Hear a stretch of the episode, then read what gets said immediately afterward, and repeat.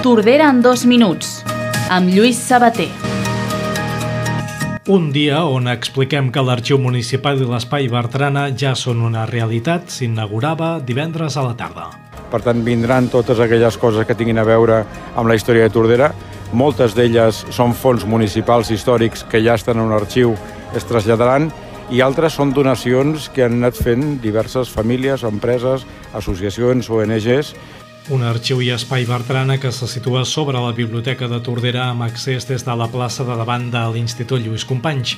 I Tordera registra 45 aturats menys durant el mes de juny. Estem parlant d'un 4% més respecte al mes anterior. Valorava dades el conseller de Treball, Roger Torrent.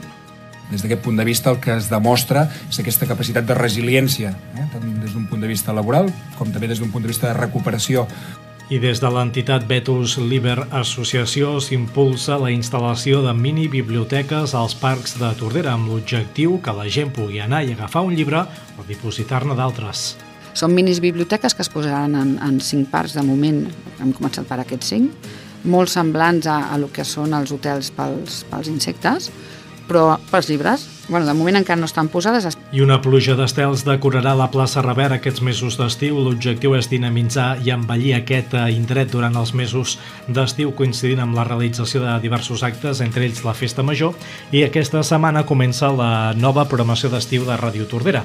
Com cada any, l'emissora s'apropa amb noves propostes refrescants i innovadores. I en esports, el CEP Tordera es vincula amb l'Espar Girona. Puguem, que puguem dir nosaltres que l'any que ve formarem part d'aquesta estructura i, i, i que conjuntament doncs, eh, intentarem fer créixer el projecte Tordarenc doncs ens omple d'orgull i, i afrontem ja la propera temporada amb moltíssimes ganes. Un dilluns on esperem temps estable i assolellat i temperatures cap amunt.